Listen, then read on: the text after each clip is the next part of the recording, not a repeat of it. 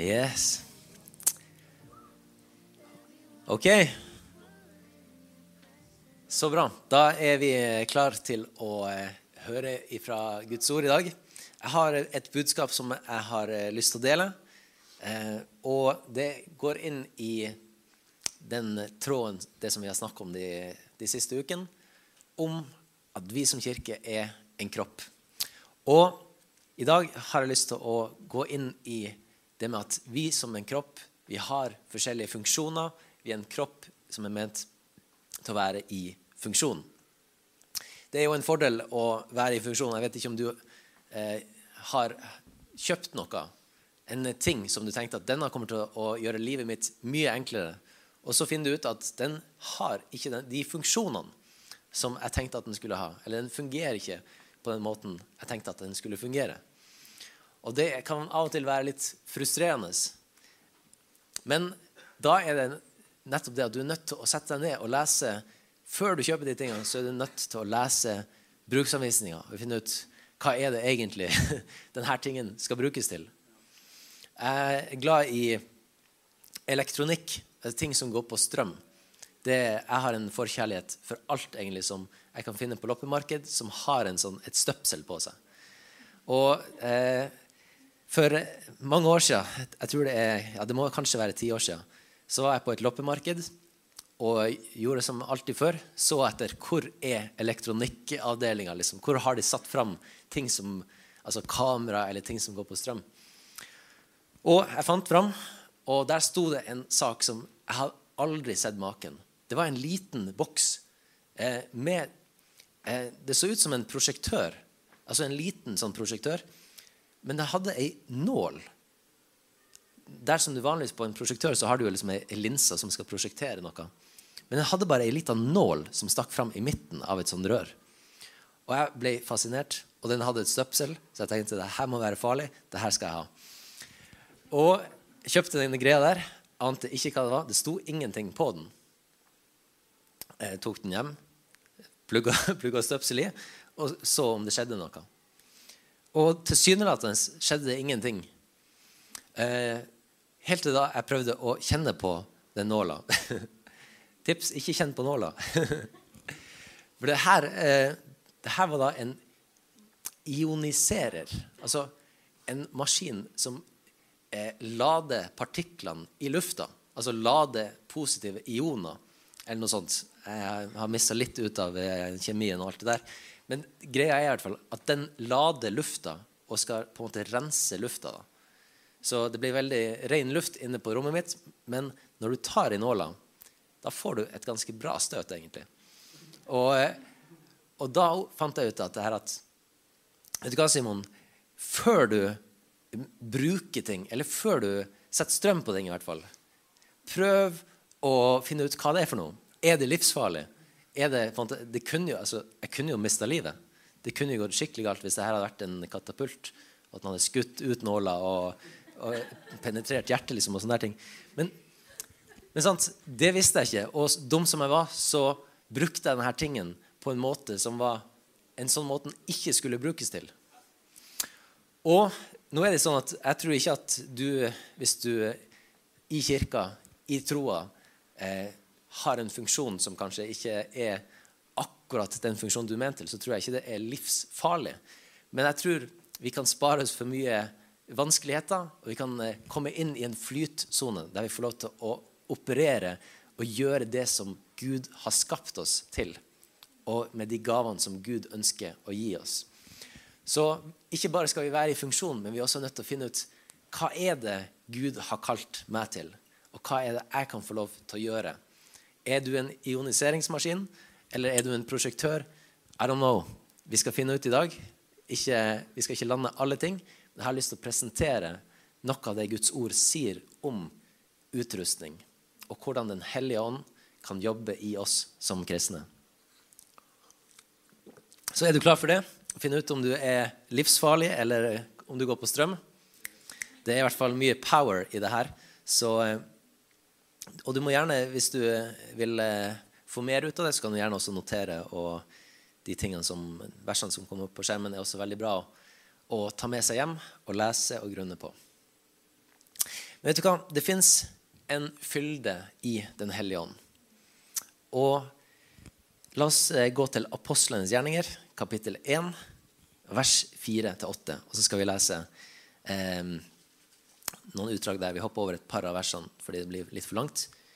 Men der står det fra vers 4 om Jesus.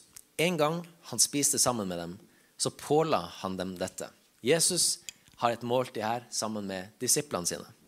Og han sier, dere skal ikke forlate Jerusalem, men vente på det som far har lova, det som dere har hørt av meg. For Johannes døpte med vann, men dere skal om noen, dager, om noen få dager bli døpt med Den hellige ånd. Og så står det videre i, i vers 8.: Men dere skal få kraft når Den hellige ånd kommer over dere, og dere skal være mine vitner i Jerusalem og hele Judea, i Samaria og helt til jordens ende. Forrige uke så prekte Karina om det her med den dåpen i Den hellige ånd. Hvordan Guds ord bruker mange forskjellige ord og uttrykk på det å bli fylt av Den hellige ånd. Hun tok også fram bl.a. denne historien og et, noen flere eksempler fra apostlenes gjerninger. Der vi ser at de som var kristne, de ble fylt av Den hellige ånd. De ble døpt med Den hellige ånd. Og jeg hadde lyst i dag eh, til å eh, fortsette egentlig der og, og, gå litt dypere inn på det og vise hvordan Den hellige ånd virker. For Det er vesentlig å forstå for at vi skal være i funksjon. Det løftet som Jesus gir her i Apostelens gjerninger 1, det beskriver det som skjedde på pinsedagen. Da ble de døpt med Den hellige ånd. Men allerede før det så hadde disiplene mottatt Den hellige ånd. Og da er du litt sånn inn på kvantemekanikken. Kan du ha noe og fortsatt ikke ha noe? Er ikke ting på en måte enten av eller på? Her virker det som at det kan være litt sånn vanskelig å, å helt catche det her, fordi Den hellige ånd var til stede og hadde flytta inn i disiplene sine liv allerede. Men så sier Jesus at du skal bli døpt med Den hellige ånd. Du skal bli fylt av Den hellige ånd. Så her ser vi at det er to forskjellige ting. Det å ha Den hellige ånd og det å være fylt av Den hellige ånd. Og jeg har lyst til å eh, gjøre det ganske tydelig og bare vise helt enkelt hvordan Guds ord forteller om det her. Så Den hellige ånds virke nummer én er i den nye fødselen. Fordi det som vi leste om her i Apostlenes gjerninger 1, det er ikke det samme som skjedde i bl.a. i slutten av Johannes evangeliet, som var knytta til at Den hellige ånd flytta inn i disiplene. I Johannes 3 så leser vi det her. Da er det Jesus som snakker med en av de skriftlærde jødene. Og Jesus sier til ham jeg sier deg, den som ikke blir født på ny, kan ikke se Guds rike. Så spør Nikodemus, hvordan kan en som er gammel, bli født? Kan noen komme inn i mors liv igjen og bli født for andre gang? Jesus svarte, sannelig, sannelig, jeg sier deg, den som ikke blir født av vann og ånd, kan ikke komme inn i Guds rike. Og her snakker Jesus om det første som skjer det at vi er nødt til å bli født på ny av Den hellige ånd. Det er det som skjer når vi bekjenner Jesus som Herre. Da tar Gud bolig i oss ved sin ånd. Sånn som i, i gamle dager, i Gamle testamentet, når Israel hadde et tabernakel i midten av sin camping, der de var, så bodde Gud til stede i tabernaklet, i midten av deres leir. Og Der var Guds nærvær. I den nye pakt etter Jesu tid så er det Den hellige ånd bor ikke lenger i et telt, men bor i hjertene våre. Og Det er det som skjer når vi bekjenner Jesus som Herre og blir kristne. Det er at Gud tar bolig i oss. Og Derfor kan vi kalle oss Guds kropp. Derfor kan vi kalle oss Jesu kropp. Fordi han har tatt bolig i oss. Dette er Simon sin kropp fordi Simon bor i denne kroppen. Dette er ikke din kropp. Dette er min kropp. Du bor ikke i min kropp. Det er det jeg som gjør. På samme måte bor Jesus i oss og i kirka. Så han har sin kropp her. Men dette er da det ene virket som Den hellige ånd har. At han flytter inn i oss til den nye fødselen. Og du kan si også det nye, det å bli født på ny. Det er også sånn som Paulus snakker om i romerbrevet. Det gamle og det nye mennesket. Når vi tar imot Jesus, så dør det gamle mennesket. Det, vi vender oss om fra det og lar det råtne og dø. Eh, og da kommer det her med dåpen inn. Fordi dåpen er jo en begravelse. Og alle begravelsene jeg har vært i, så har vedkommende man begrava, vært død. Jeg har til dags dato ikke vært i en begravelse der man begravde for at en person skulle dø. Det håper jeg at jeg aldri kommer til å oppleve. Men vi døper fordi noen har dødd. Nei, ja, ja Vi begraver fordi noen har dødd, ikke sant? Vi døper av samme grunn. For dåpen er en begravelse av det gamle. Så det, vi blir ikke frelst i dåpen. Det er ikke der det er ikke der det gamle mennesket dør. Det har skjedd allerede. Dåpen er bare en bekreftelse og en begravelse av det, sånn at vi kan gå videre ifra det. Så det er Den hellige ånds virke i den nye fødselen. Men det som jeg har lyst til å, å gå inn på i dag, det har jo med det her at Den hellige ånd ikke bare skaper et nytt liv i oss, men utruster oss til tjeneste. Fordi det som skjer i eh, Apostelens gjerninger 1, når Jesus forteller om at dere skal vente og bli døpt med Den hellige ånd, så er ikke det denne nye fødselen. Da snakker han om noe annet. Og han snakker om noe som ble lova i Lukas 24, 49. For der sier Jesus, og se, jeg sender over dere det som min far har lova. Men dere skal bli i byen til dere blir født på ny. Nei, det var de allerede. Men de skal bli, vente i Jerusalem der, på loftet i den stua der de var samla 120 stykk eller noe sånt. Der skulle de vente til de ble utrusta med kraft fra det høye. Så her satt de på det her loftet i Jerusalem og venta på å bli utrusta. Samtlige født på ny, tatt imot Jesus som herre og frelser, bekjent han som sin herre.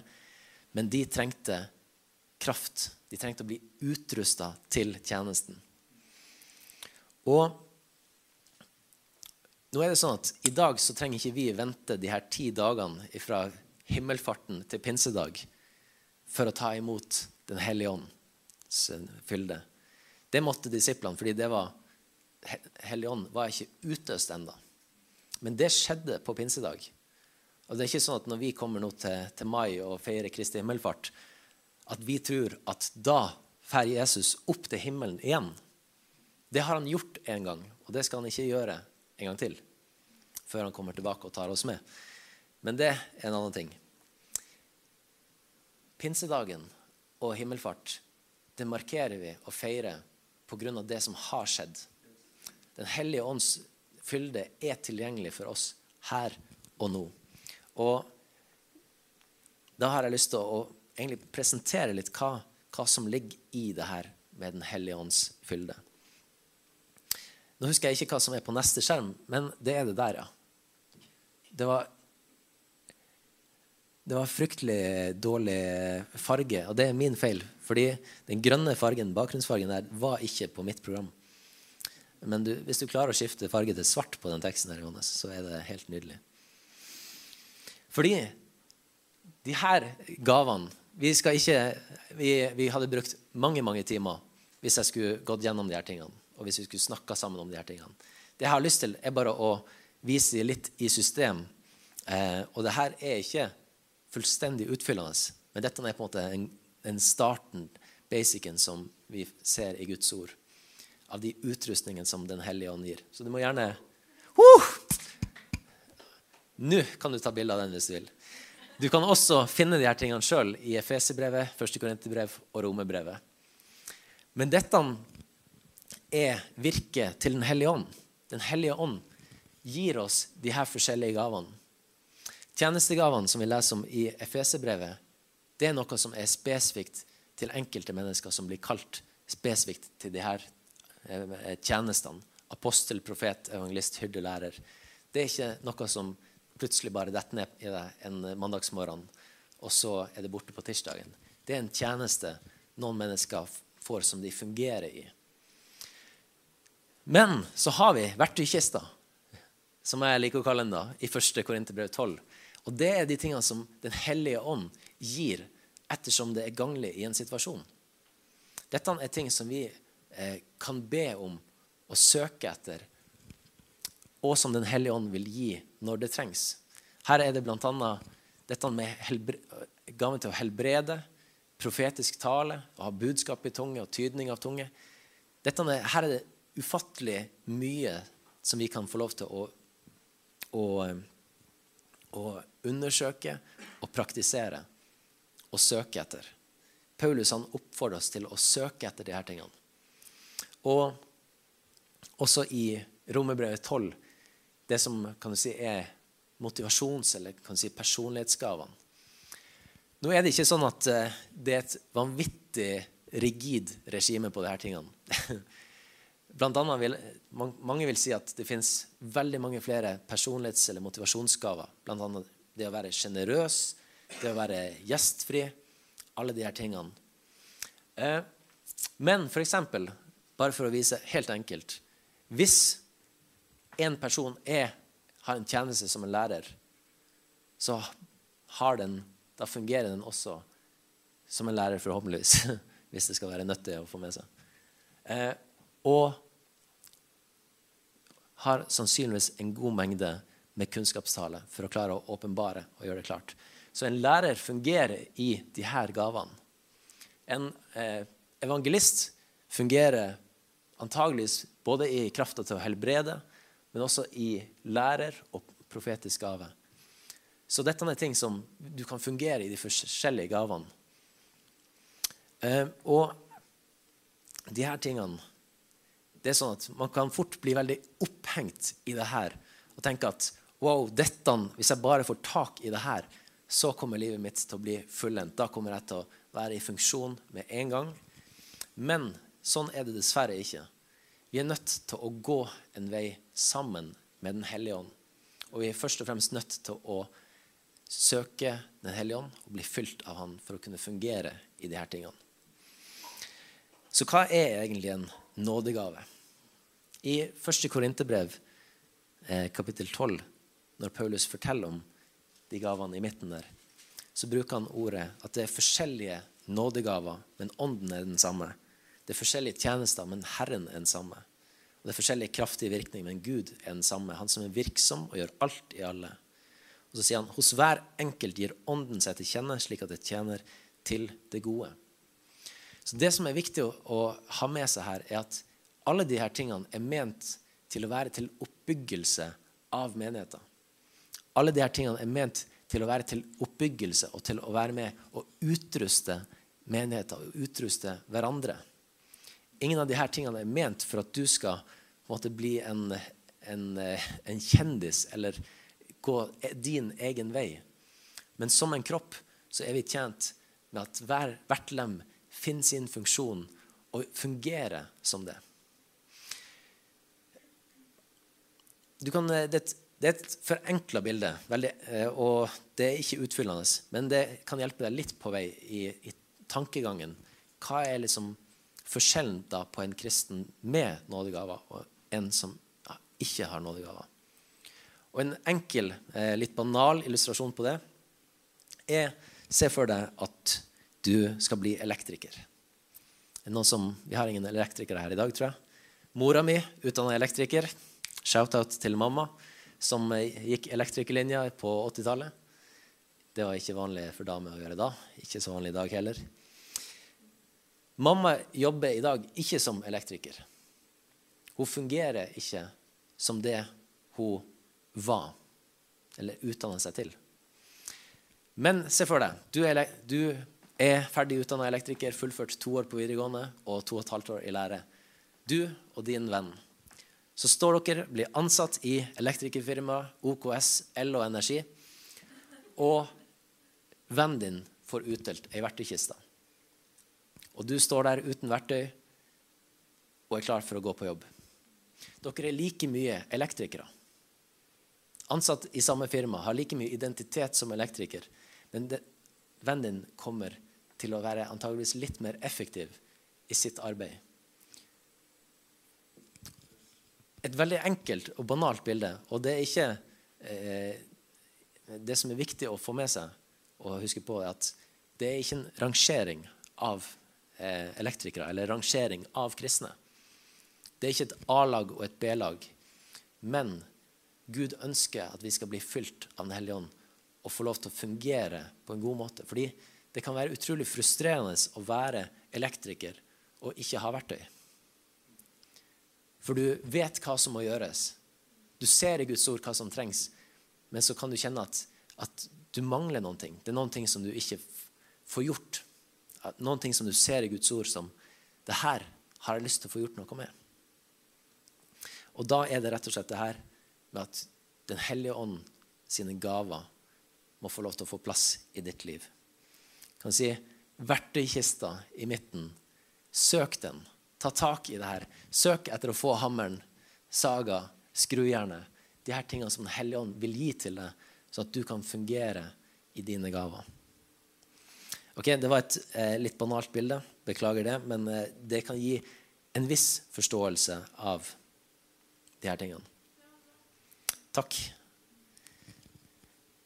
Det gjør det i hvert fall litt enklere for min del. Du kan si I det åndelige så er det sånn som det samme.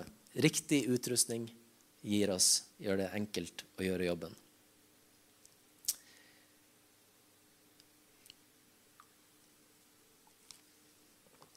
Men nåde Du vet, når Paulus skriver om de her gavene, så bruker han ordet eh, karisma. Han sier at de her tingene er karisma. Karisma betyr nåde. OKS vi er en karismatisk kirke. Og eh, nå til dags, hvis du hører karismatisk, så tenker man først og fremst kanskje på uttrykket. At du står og er litt ivrig. Du har karisma. Du, har sånn, du tror på det du sier. Du smiler når du sier det. Og man tenker at det er karisma. Men egentlig, grunnen til at vi fra starten av var en karismatisk kirke, og fortsatt er en karismatisk kirke, er fordi vi tror på at karisma, de her tingene, gavene som blir gitt gratis, som blir gitt i nåde, nådegavene, at de skal være i funksjon. Det er derfor, det er derfor du, man, kan, man, kan, skille mellom karismatiske og ikke-karismatiske. Det er på om man tror at nådegavene skal være i funksjon. Og nå er ikke det en sånn svart-hvit. Ofte så finnes det mange ikke-karismatiske kirker med veldig karismatiske mennesker i. så det er ikke noe sånn svart-hvit. Men det som er hovedpoenget, er at vi ønsker å være en kirke som legger til rette for at hver enkelt person skal finne sin gave. Skal finne sin tjeneste. Skal finne sin funksjon. Og eh, vi vet at vi har ufattelig mye å gå på. Jeg sjøl har det også. Veldig mye å gå på i å utforske de her tingene, i å tørre å gå på de tingene og leve ut i de tingene. Så jeg taler også til meg sjøl her jeg står, at det er en sånn fylde, det er så mye i Guds ord. Når vi leser apostlenes gjerninger og ser hva de gjorde, Wow, du kjenner bare en sånn Du kjenner en liten sånn eh, Ikke bare en liten, men en, en, sånn lengsel etter å se mer av det i dag. Og jeg tror at måten vi kommer dit, er med å ærlig og oppriktig erkjenne at, at vi trenger å leve mer sånn som de gjorde. Vi trenger å leve i den fylden av Den hellige ånd. Og eh, det å ha de her nådegavene og, og fungere i de, er ikke noe som gir deg et trofé eller en høyere posisjon. Men det er noe som rett og slett gjør det altså, Du kommer til å ha det bedre med deg sjøl fordi Gud får lov til å operere gjennom det. Du vet, Sånn som han elektrikeren da, uten verktøy. Hvis han skal ut på jobb og, og hamre inn et eller annet greier, så må han bruke det han har. Kanskje bruker han handa si for å hamre fast. Det kommer til å skade han. Jeg tror at hvis vi fungerer i nådegavene, så vil det gjøre at vi eh, sparer oss for mye ondt. Fordi hvis vi ikke har det, så er vi nødt til å gjøre ting i egen kraft. Men når Gud får lov til å operere gjennom oss, når Gud ved sin ånd f.eks. gir oss kunnskapstale Vi kan stå i en samtale med en person, og så gir Den hellige ånd deg noen ord, en kunnskap om vedkommende situasjon som du ikke kunne visst i det naturlige. Så kan Den hellige ånd åpenbare ting for deg som gjør at du kan ta den samtalen med personen til et helt annet nivå, gå rett til problemet og få vist at Gud ser den personen. Hvis vi ikke opererer i de gavene, så opererer vi kun i det naturlige. Men Gud ønsker at vi skal søke mer av disse gavene. Og, og de her tingene Her er det et, si, et delt ansvar. Lederskap i, i, menigheten ser vi at de har et ansvar for å forkynne og formidle de her tingene og vise i Guds ord hva Gud sier om de her tingene, og hva, at det er tilgjengelig. Men så har man jo også et, et personlig ansvar for å faktisk eh, søke de her tingene. Og det er både Peter og Paulus skriver at de oppmuntrer til å søke de her tingene. Be om at Gud skal gi de her tingene til deg. Og helt til sist så kommer jeg med noen praktiske eh, tips eller steg som vi kan ta. Men men før vi går til det, så har jeg lyst til å også si det her på neste slide. Ja, vi kan ta neste igjen. Eh, karisma og karakter. Noe av det som har vært eh, problemet til eh, karismatikere, til eh, de som har lyst til å fungere i gaven, og som er karismatisk av natur, er jo at man fort kan bli opphengt i det som er synlig. Du kan fort bli opphengt i det du fungerer i. Du kan bli såpass eh, fascinert og glad i den gaven som du opererer i, at det går til hodet på deg, og du glemmer av hvem du er, og din karakter, din identitet og din verdi. Og det her er utrolig viktig. Dette, burde, dette, er, altså, dette må du få med deg. Du er ikke den gaven du opererer i. Din verdi kommer ikke ut ifra om du opererer i en gave eller ikke, eller hvordan gave du opererer i. Identiteten din er at du er et Guds barn, du er født på ny ved Den hellige ånd. Du er et nytt menneske. Det er identiteten vår, og det er det som ligger til grunn, en, en karakter. Dette er livet vårt.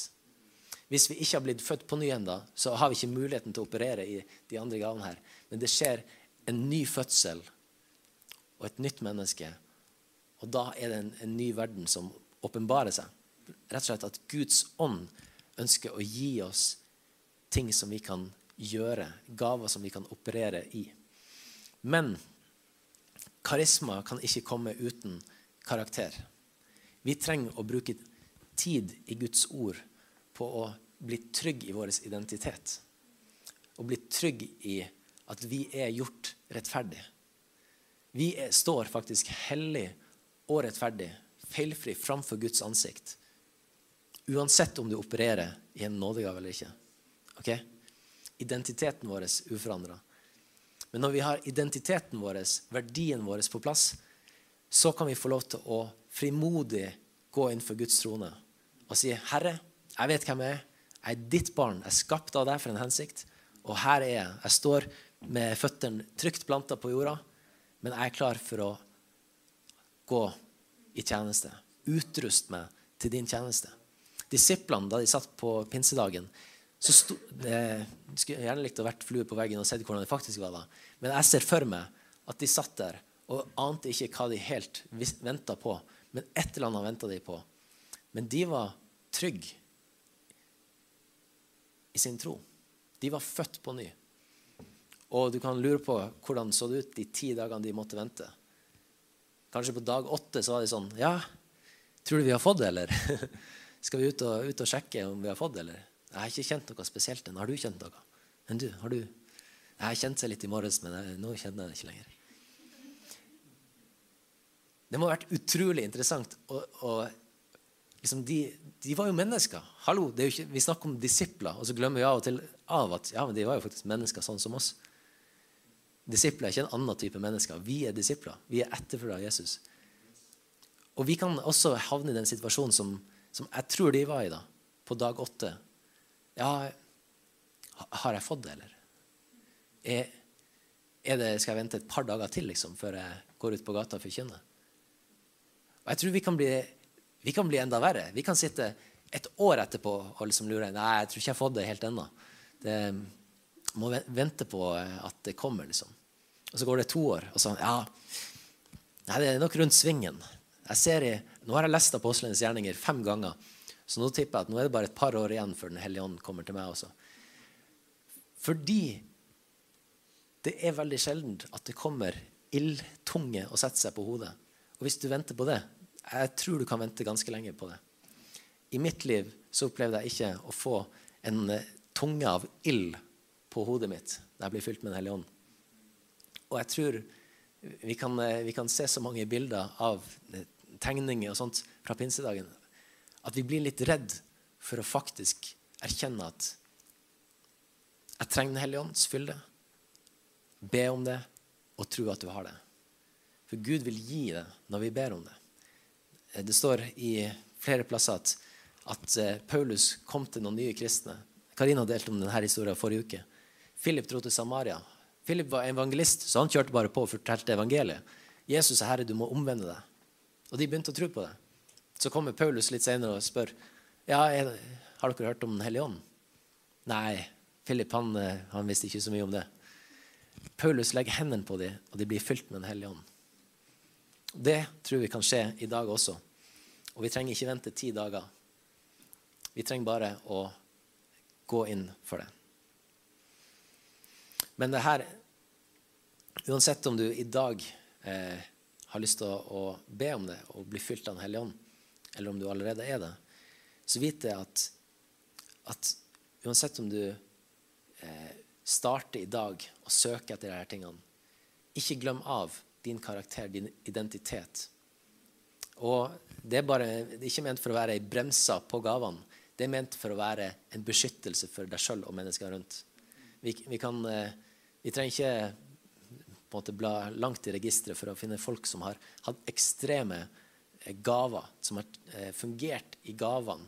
De har hatt kraft til å helbrede, kraft til å profetere. Og så har de i løpet av livet sitt mista mer og mer av sin karakter og ender opp med å synde og gå bort fra troa si. Og det er bare ufattelig trasig. Men det er en, en fare med karisma. Det kommer de her gavene kommer av nåde fra Guds ånd. Vi gjør oss ikke fortjent til de her gavene. Gavene er av nåde. Og det er for så vidt veldig bra. Hadde det vært sånn at vi kunne kjøpe oss gaver, så hadde det vært noe annet. Men det var et eksempel i Apostelens gjerninger, en som heter Simon. Det var ikke jeg. Men det var en trollmann som het Simon, som ville betale Paulus for å få denne samme krafta. Det gikk ikke så bra. Det blir gitt av nåde. Yes, jeg må, jeg må ha litt nåde, jeg òg. For det var Det kan bli litt mye fram og tilbake her. Men eh, konkret Jeg har lyst til å, å, å, eh, runde av med de her stegene. Dette er noen konkrete steg. Dette er ikke ei oppskrift som eh, du nødvendigvis kan, kan, finne ordrett i Bibelen. Men dette er ting som jeg eh, som jeg ser på som naturlige steg, og som jeg vil oppfordre alle til å, å ta fatt på. Og hvis man allerede er åndsfylt og lever i det, så man jo, er man fri til å gå til det punktet som passer. Men hvis du, hvis du, er der at du kjenner at du er litt sånn som disiplene var før de ble fylt med Den hellige ånd, at du sitter og venter på noe, at du kjenner at du er, en, du er en, som en elektriker uten verktøykista, at du ønsker å ha de her verktøyene, du ønsker å få tak i det som Den hellige ånd gir, de her gavene, så kan de her stegene hjelpe deg. Fordi det å bli fylt av Ånden Vi ser at det skjer både med, med håndspåleggelse, men det skjedde også i Kornelius sitt hus i Apostelens gjerninger 10. Så skjedde det mens eh, Peter eh, forkynte Guds ord. sånn som jeg står her nå. Peter forkynte til dem, og de var klart for å ta imot ordet. Og plutselig så blir de fylt av Den hellige ånd og begynner å tale i tunge. Og Peter, som ikke har vært med på at noen ikke-jøder har begynt å tale i tunge før, blir litt sjokka, men finner ut at hvis Gud gjør det her, hvem er vel jeg til å hindre det? Så dette er ikke på en måte den eneste veien, men dette er en, en måte jeg tror vi aktivt kan gå inn for å motta de her gavene. Så trenger vi å lese om det, vi trenger å gjøre oss kjent med dem. Så kan vi be om å motta spesifikke nådegaver. Jeg tror vi, hvis, vi ikke, hvis vi ikke søker de her tingene, og hvis vi ikke ber om dem, så tror jeg ikke vi kommer til å fungere i de heller. Men vi kan være aktive og faktisk be om å få lov til å fungere i de her tingene. Kjenn etter også. Når du har begynt å praktisere det her, kjenn etter hvordan det resonnerer i deg. Hvis du f.eks. Eh, eh, opplever å, eh, at du ønsker å eh, Du får profetisk tale, eller du får et budskap i tunga som skal tydes. De her tingene, det kan være eh, Kjenn etter i ditt liv. Hva er responsen, eh, reaksjonen i deg? Kjennes det her ut som at dette var godt, dette er noe som jeg kan fungere videre i? Kjenn litt etter, og kanskje er det her en gave som du kan fungere mer og mer i. Og også se på frukten, selvfølgelig, etter en viss tid. Hva er frukten av tjenesten? Hvis du er, for min del, da, sånn som når jeg står her og underviser eh, Frukten av denne tjenesten og det at jeg står nå her som en lærer, bør jo forhåpentligvis være at noen lærer noe. Hvis jeg fungerer som lærer, men ingen lærer noe, da er det, da er det ikke dere det er noe galt med. Da er det sannsynligvis noe her at jeg er nødt til å eh, bruke mer tid i den gaven, nødt til å jobbe mer med det som jeg presenterer. Og Sånn kan det også være i andre gaver, at vi er nødt til å eh, trene oss opp, nødt til å bruke gavene, nødt til å fungere i de gavene for at det skal bli bra. Ok, Har du eh, fått noe ut av det? Eh, så bra. Vi er en, en, veldig fin gjeng samla her i dag. Sikkert mange på fjellet også, men, eh, men det jeg har lyst til, er at eh, vær frimodig og eh, ikke la denne, her, den lille preken her og det temaet som vi har, ikke la det på en måte bare være en sånn eh, sidevei i livet ditt. Men, men, ta det til deg og tygg på det. Og har vi spørsmål eller, eller, ting som vi tenker på, ja, så tar vi det. Fordi det er et, eh, det er ikke et eh, show. Det er ikke sånn at, eh, at vi kjører gjennom en, en, gudstjeneste som bare et, et nødvendig eh, show med, med, sang og med, med prat. Men det er faktisk vi fungerer som en kropp. Og vi ønsker å ta til oss og lære av Guds ord. Jeg ønsker i hvert fall når, når jeg eh, leser Guds ord, og når jeg forkynner, så ønsker jeg at det skal forandre meg. At jeg ønsker at det skal forandre oss som kirke også. At vi skal ta noen steg i å fungere mer og mer som den kroppen som Gud har satt oss til. Og jeg tror at eh, Gud gir raust gaver til hver enkelt ettersom vi søker. Og jeg gleder meg til å se at, eh, at flere og flere kroppsdeler kommer i funksjon. At eh, nyra gjør det nyra skal gjøre. Lungene gjør det lungene skal gjøre. Fingrene gjør det fingrene skal gjøre. Det er en kropp som er i funksjon. OK? Skal vi ta og uh, be sammen? Og eh, Vi kan ta lovsangstimen kan komme opp.